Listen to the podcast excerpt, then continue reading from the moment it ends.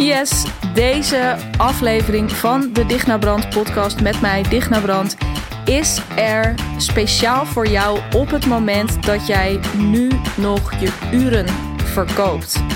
Ehm, het kan zijn dat je dat op dit moment structureel doet. Dus misschien ben je interimmer binnen een organisatie, misschien ben je fulltime aan het freelancen. Maar het kan ook, of misschien ben je wel coach en verkoop je nog losse sessies. Ehm, maar misschien doe je het ook wel gewoon af en toe nog voor erbij. ben je ondertussen heb je een eigen aanbod neergezet, maar uh, nou ja, doe je dit er nog bij? En specifieker nog, deze podcast is er vooral voor jou als je ehm, het liefst met het verkopen van die uren zou stoppen. En je de slag zou willen maken naar ja, naar echt het, ondernemerschap. Dus met een eigen aanbod onder je arm in die marktkraam uh, gaan staan en dat uh, aan te gaan prijzen. Um, dat is namelijk een heel vet proces en echt applaus voor jou, want uh, dit is ja, dit, dit is gewoon het allervetste wat je jezelf kan gunnen. Um, ik geloof er ook heel stellig in dat dit gewoon een van die transitiefases is waar je als uh, ondernemer in zit. Veel ondernemers die nu ondernemen, die zijn ooit uh, ook begonnen met het verkopen van hun uren. Dat geldt zeker ook voor mij. Uh, toen ik een kleine drie jaar geleden de, de sprong waagde, begon ik ook met mijzelf voor een heel laag uurtarief uh, uh, verkopen. Maar dat is weer echt, echt een, een, een, totaal ander verhaal. Daar gaan we het nu verder niet over hebben. Maar goed, bottom line. Ik begon dus als freelancer. En um, de grap was, en dit, als jij een klein beetje op me lijkt, dan herken je dit misschien. En zeker ook als je speelt met het idee van het anders willen omdat misschien eh, het plafond ook wel een beetje bereikt is in je uurtarief. Of uh, omdat het niet meer helemaal klopt. Nou ja, wat de reden ook is.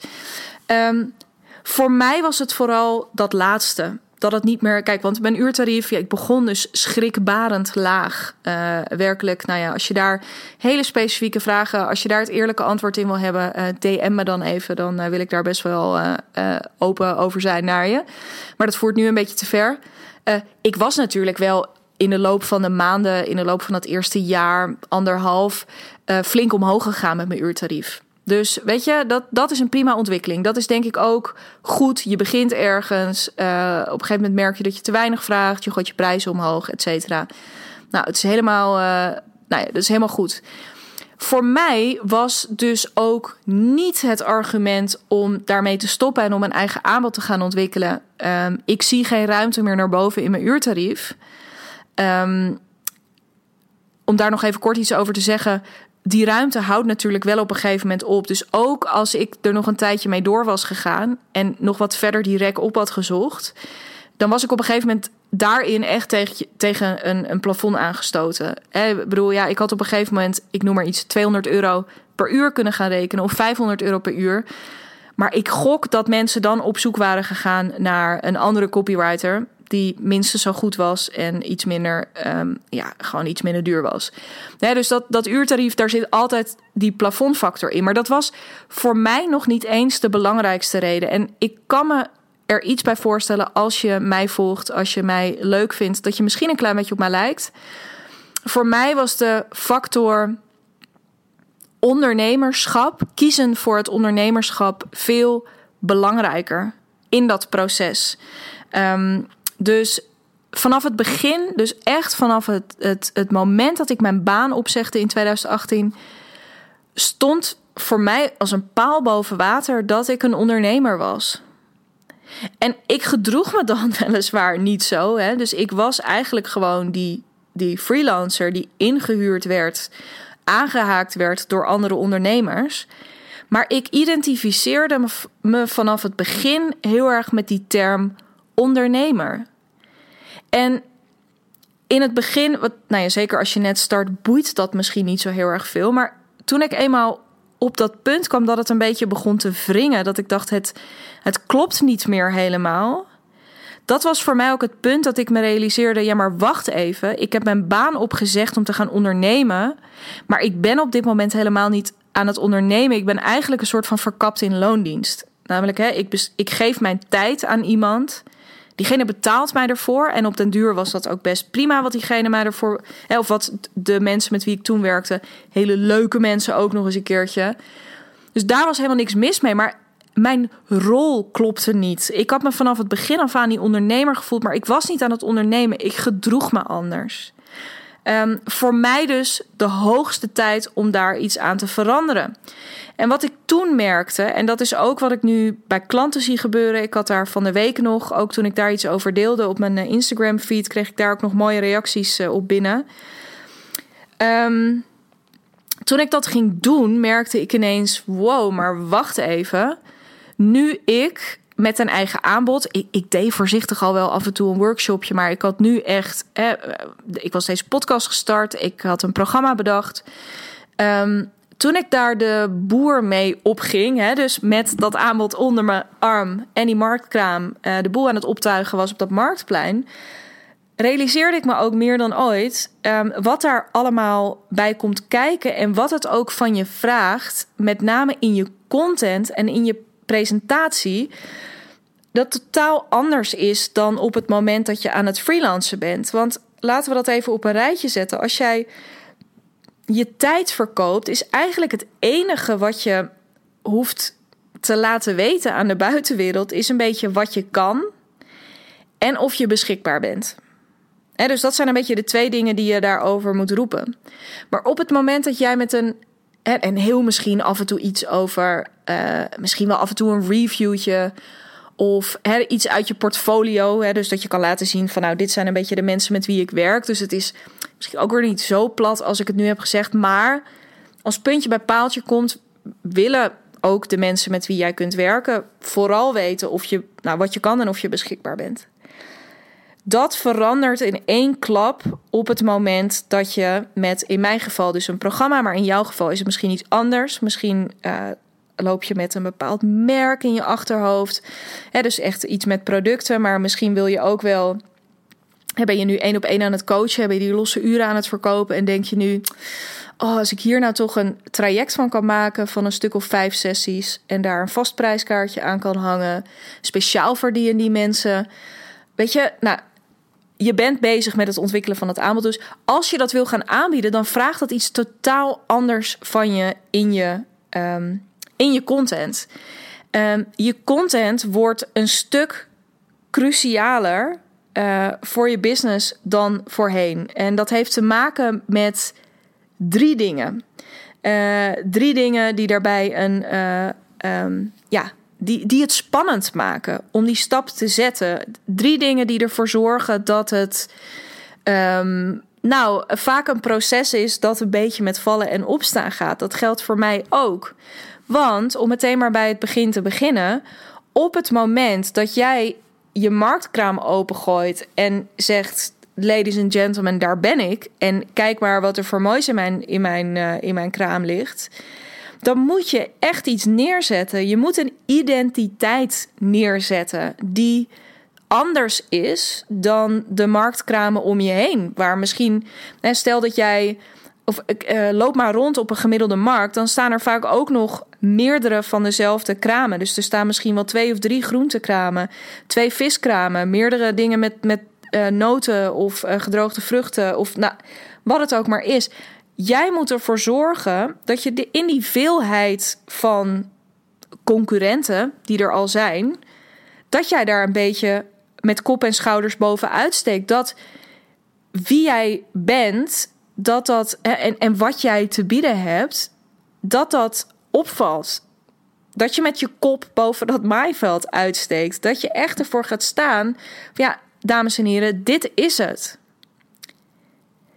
En de reden dat dat spannend is, want technisch gezien is dat helemaal niet zo heel erg ingewikkeld. Maar de reden dat dat spannend is, is omdat daar altijd zo'n knagend gevoel in je achterhoofd zit van wat nou als mensen dat raar vinden. En dat knagende gevoel is waarschijnlijk, nou ja, daar kan ik ook wel eerlijk over zijn bij mezelf. Dat is bij mij ook ontstaan in mijn jeugd. Ik heb heel lang het idee gehad dat, um, nou ja, dat datgene waar mijn interesse lag, dat wat ik leuk vond, uh, dat datgene wat ik kon, waar mijn kwaliteiten lagen, um, dat dat niet direct de dingen waren waar mensen heel erg op zaten te wachten.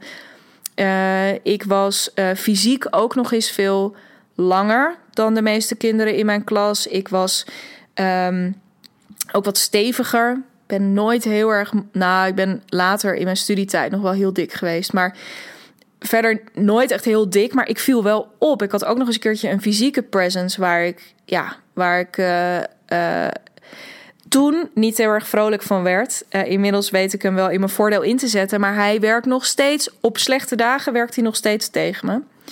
Goed, anyway. Um, je moet dus die, je moet een identiteit gaan neerzetten, zodat mensen weten: ah, oké, dus daar kies ik voor.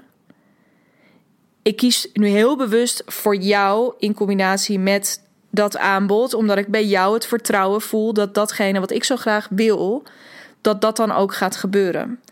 Maar daar zit dus dat risico aan vast dat mensen daar iets van gaan vinden of dat mensen iets van jou gaan vinden. Um, uh, dus dat is heel erg hardnekkig. Het is ook spannend omdat je, nou, door middel van je content, dus net als dat je die identiteit gaat neerzetten door de, content die je deelt, waar je dan ook uiteindelijk voor kiest. In diezelfde content moet je dus niet alleen jezelf laten zien, maar je moet ook nog eens een keertje beloftes gaan doen over wat jij waard bent.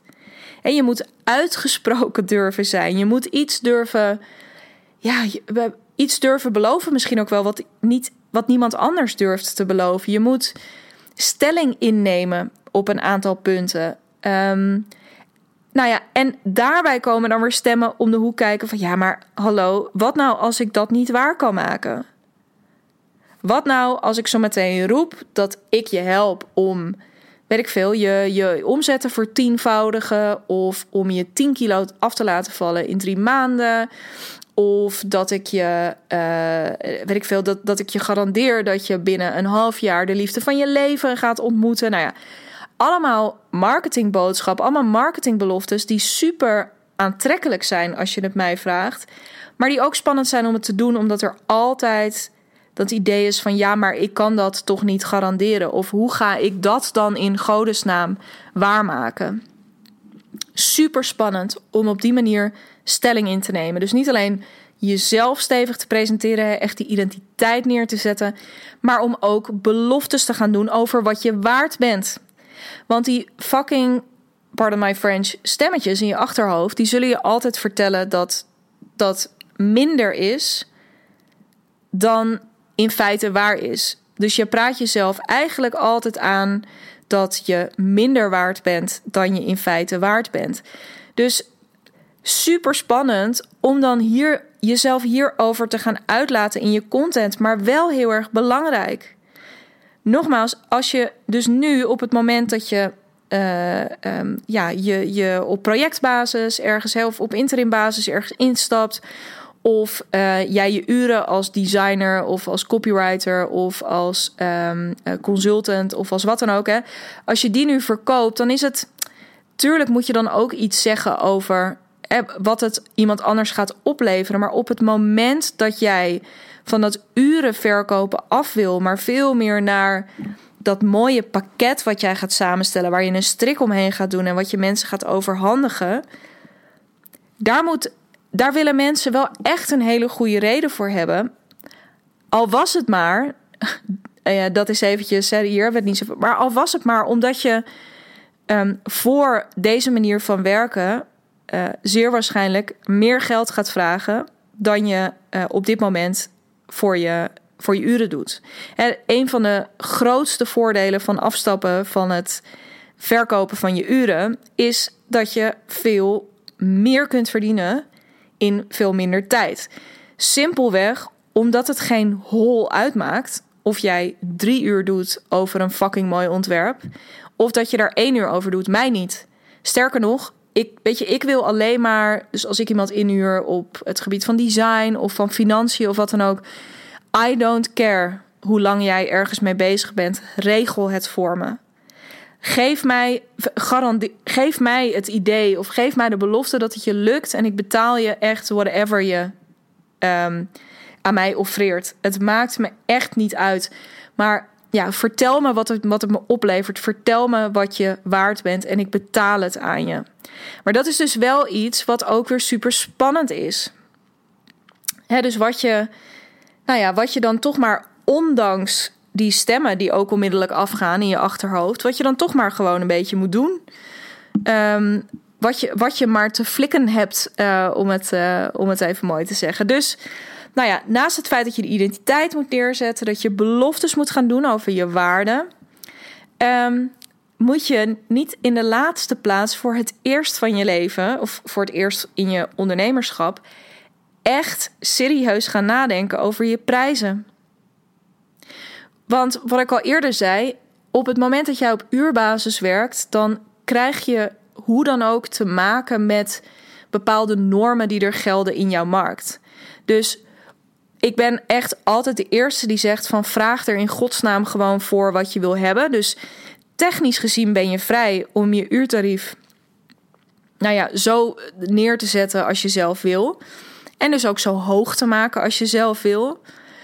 Maar je kunt er niet omheen dat er bepaalde normen zijn en dat ook jouw klanten waarschijnlijk ook wel een beetje weten, um, uh, afhankelijk van uh, wie jouw klanten zijn natuurlijk, maar ja, of ze gaan vergelijken. Uh, en dan komen ze er al snel achter van hé, hey, maar wacht even, hoe kan het dat jij twee keer zo duur bent, bijvoorbeeld?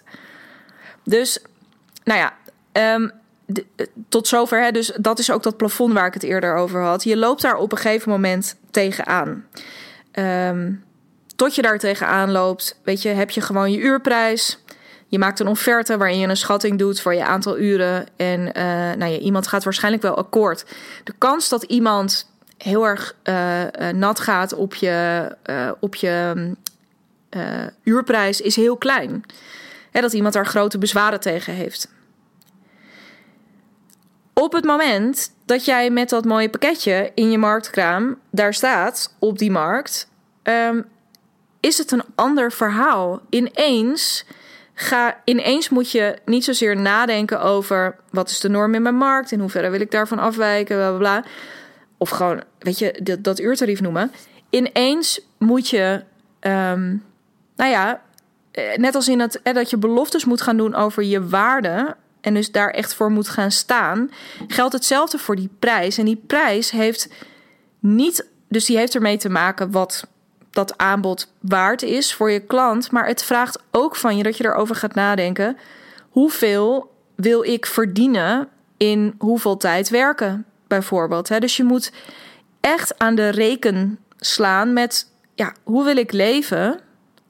En wat is daarvoor nodig qua pricing? Weet je, dus op dat is trouwens wat ik je sowieso aanraad. Uh, op het moment dat je gaat nadenken over je prijzen, um, begin bij je doel omzet. En ga dan terugrekenen. Begin nooit bij de vraag: wat heeft mijn klant hiervoor over? Want ik kan je vertellen, jouw klant.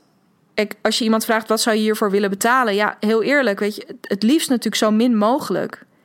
Terwijl daar gaat het in die end dat iemand dat tegen jou zegt, dat klopt niet helemaal. Want wat iemand Iemand is heel erg bereid om jou veel geld te betalen. Heel veel geld te betalen. Maar dan moet je ze daar wel een goede reden voor geven. Dus met die identiteit die je neerzet en de beloftes die je doet. Goed, maar wat wil je er dan voor vragen? En dan kom je er vaak, weet je, dan kom je op een punt uit dat je denkt. Maar als ik die rekensom doe, dus vanuit mijn doelomzet en het aantal uur dat ik daarvoor beschikbaar ben, et cetera, uh, dan kom ik op een bedrag uit van, weet, van een paar duizend euro dikke kans dat je dan denkt: holy fucking. Dit, wat, nou ja, hoe, hoe dan? Wat nou? Of nee, sterker nog, dit gaat toch niemand betalen hiervoor? Dus je loopt op heel veel verschillende. En nou ja, daar zul je toch op een bepaalde manier transparant in moeten zijn. Je zult daar toch over moeten communiceren. Dat, um, ja, dat, dat dit is wat je kost. Dus je komt. En dat is eigenlijk, dit zit een beetje op het snijvlak natuurlijk van sales en, uh, en marketing. Ik kan me voorstellen dat je misschien niet altijd in je marketing of helemaal niet in je marketing rept over je prijzen. Maar er komt een moment dat je die prijs moet noemen. En dat is ineens een heel ander verhaal dan dat rekensommetje met die uren um, uh, en um, het tarief wat daarbij hoort. Ineens komen er dan dus die stemmetjes van wat nou als, als niemand dat gaat betalen? Jeetje, wat een geld. Uh, uh, ja, Jezus, weet je, dit, dit zou ik zelf echt niet zo snel betalen. Nou, al die verschillende dingen. Dus maar je zult daarvoor moeten gaan staan en je zult daarover moeten gaan communiceren. Eh, communiceren.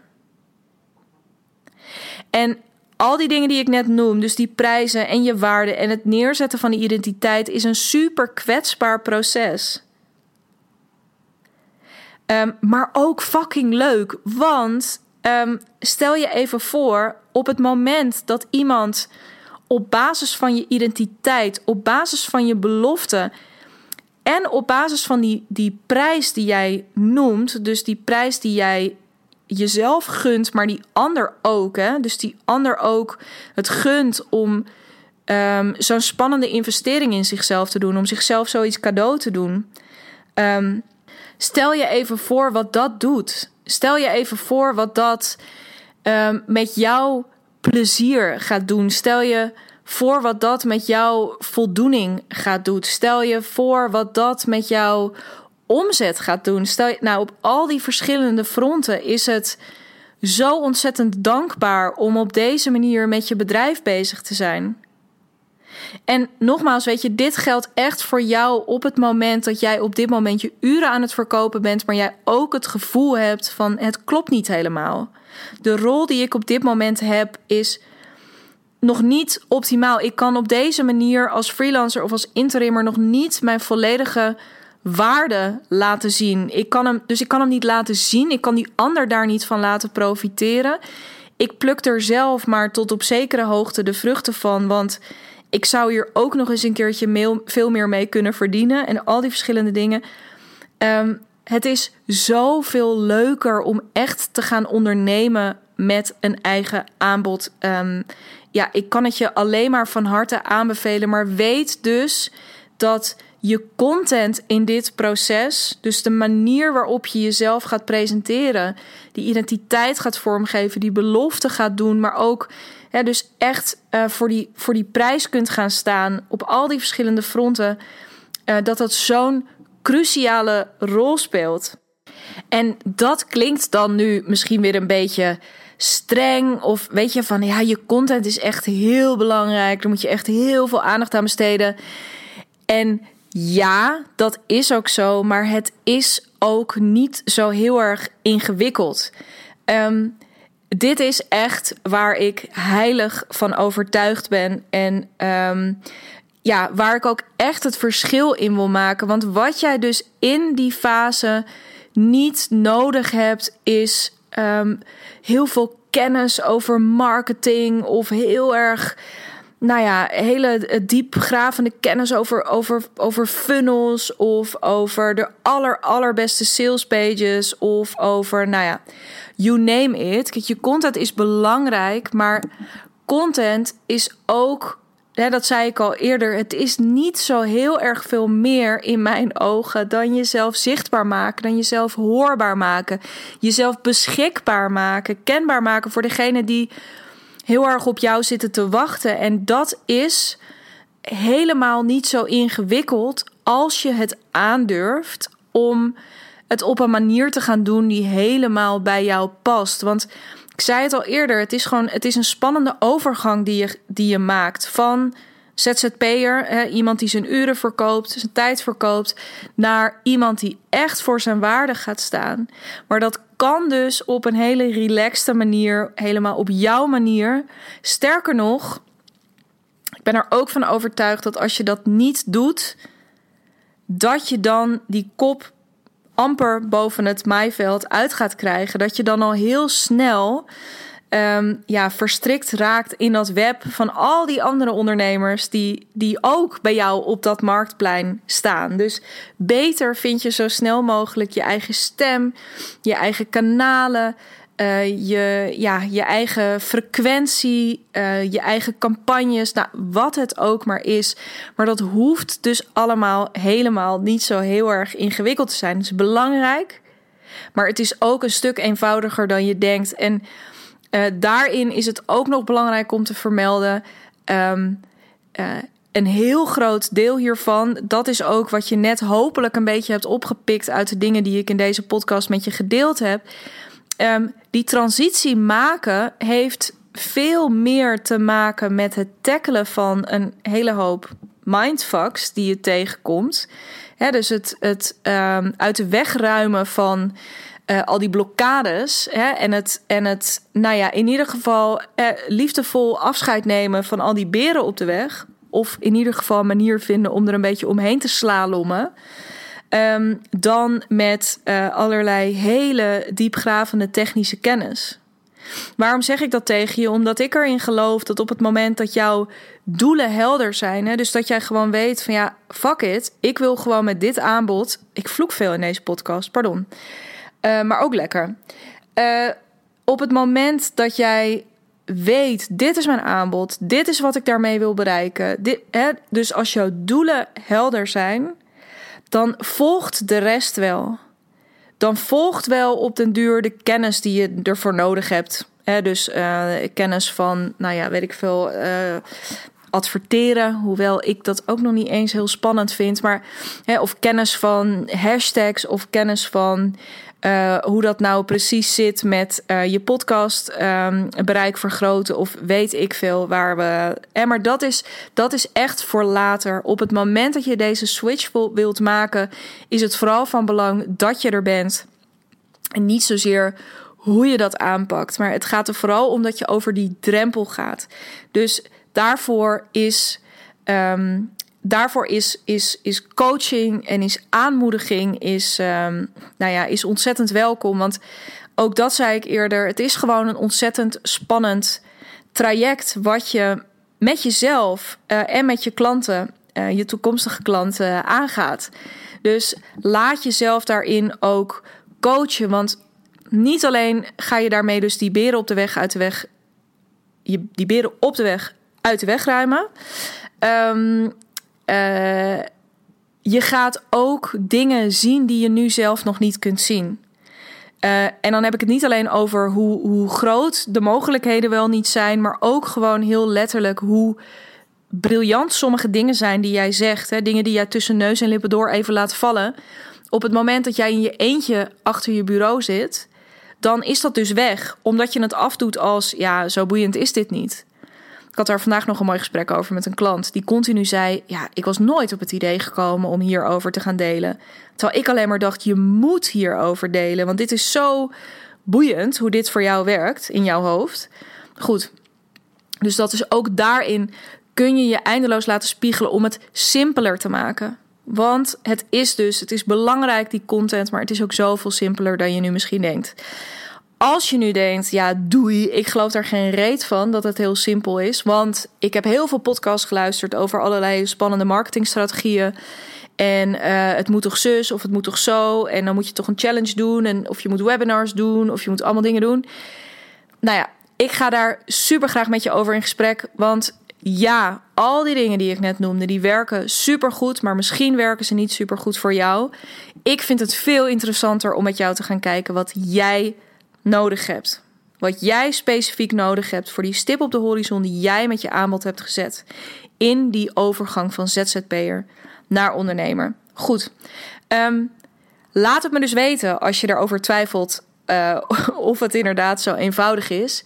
En weet dat de deuren voor mijn jaarprogramma start op 21 juni um, nog steeds geopend zijn. En dat je daar super welkom bent. En dat als we één ding gaan doen in dat jaar, nog even los van er natuurlijk voor zorgen dat we uh, die content echt heel vet gaan krijgen voor jouw bedrijf. Opvallend, onderscheidend, uh, stevig. Nou ja, al die dingen die ervoor nodig zijn om, uh, ja, om, om jou echt, jouw business als een huis neer te zetten. Om je echt super opvallend zichtbaar te maken. Um, gaan we ook aan de slag met dus die beren, met die mindfucks die we eerder hebben gezien. Uh, om ervoor te zorgen dat jij steeds weer herinnerd wordt aan het feit van: oh ja, nee, maar deze kant mag het op.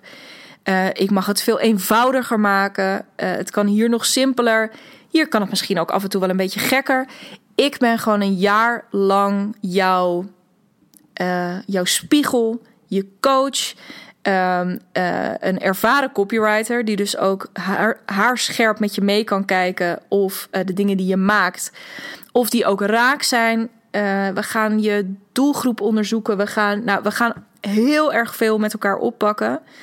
Ehm, en we hebben er eindeloos tijd voor.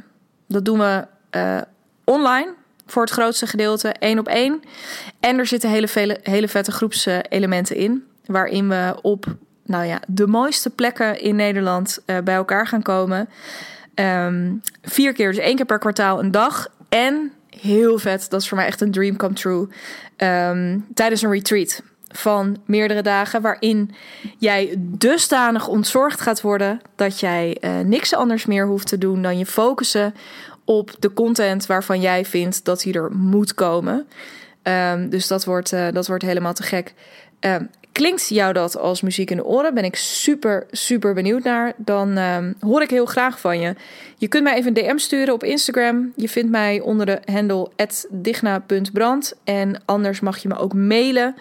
Uh, dat kan op info.dignabrand.nl. Um, had ik je heel graag willen vertellen Ga anders eventjes naar www.dignabrand.nl slash uh, nou ja, hè, jaarprogramma. Maar die pagina is er nog niet. En dit is ook iets wat ik je dolgraag zou willen leren.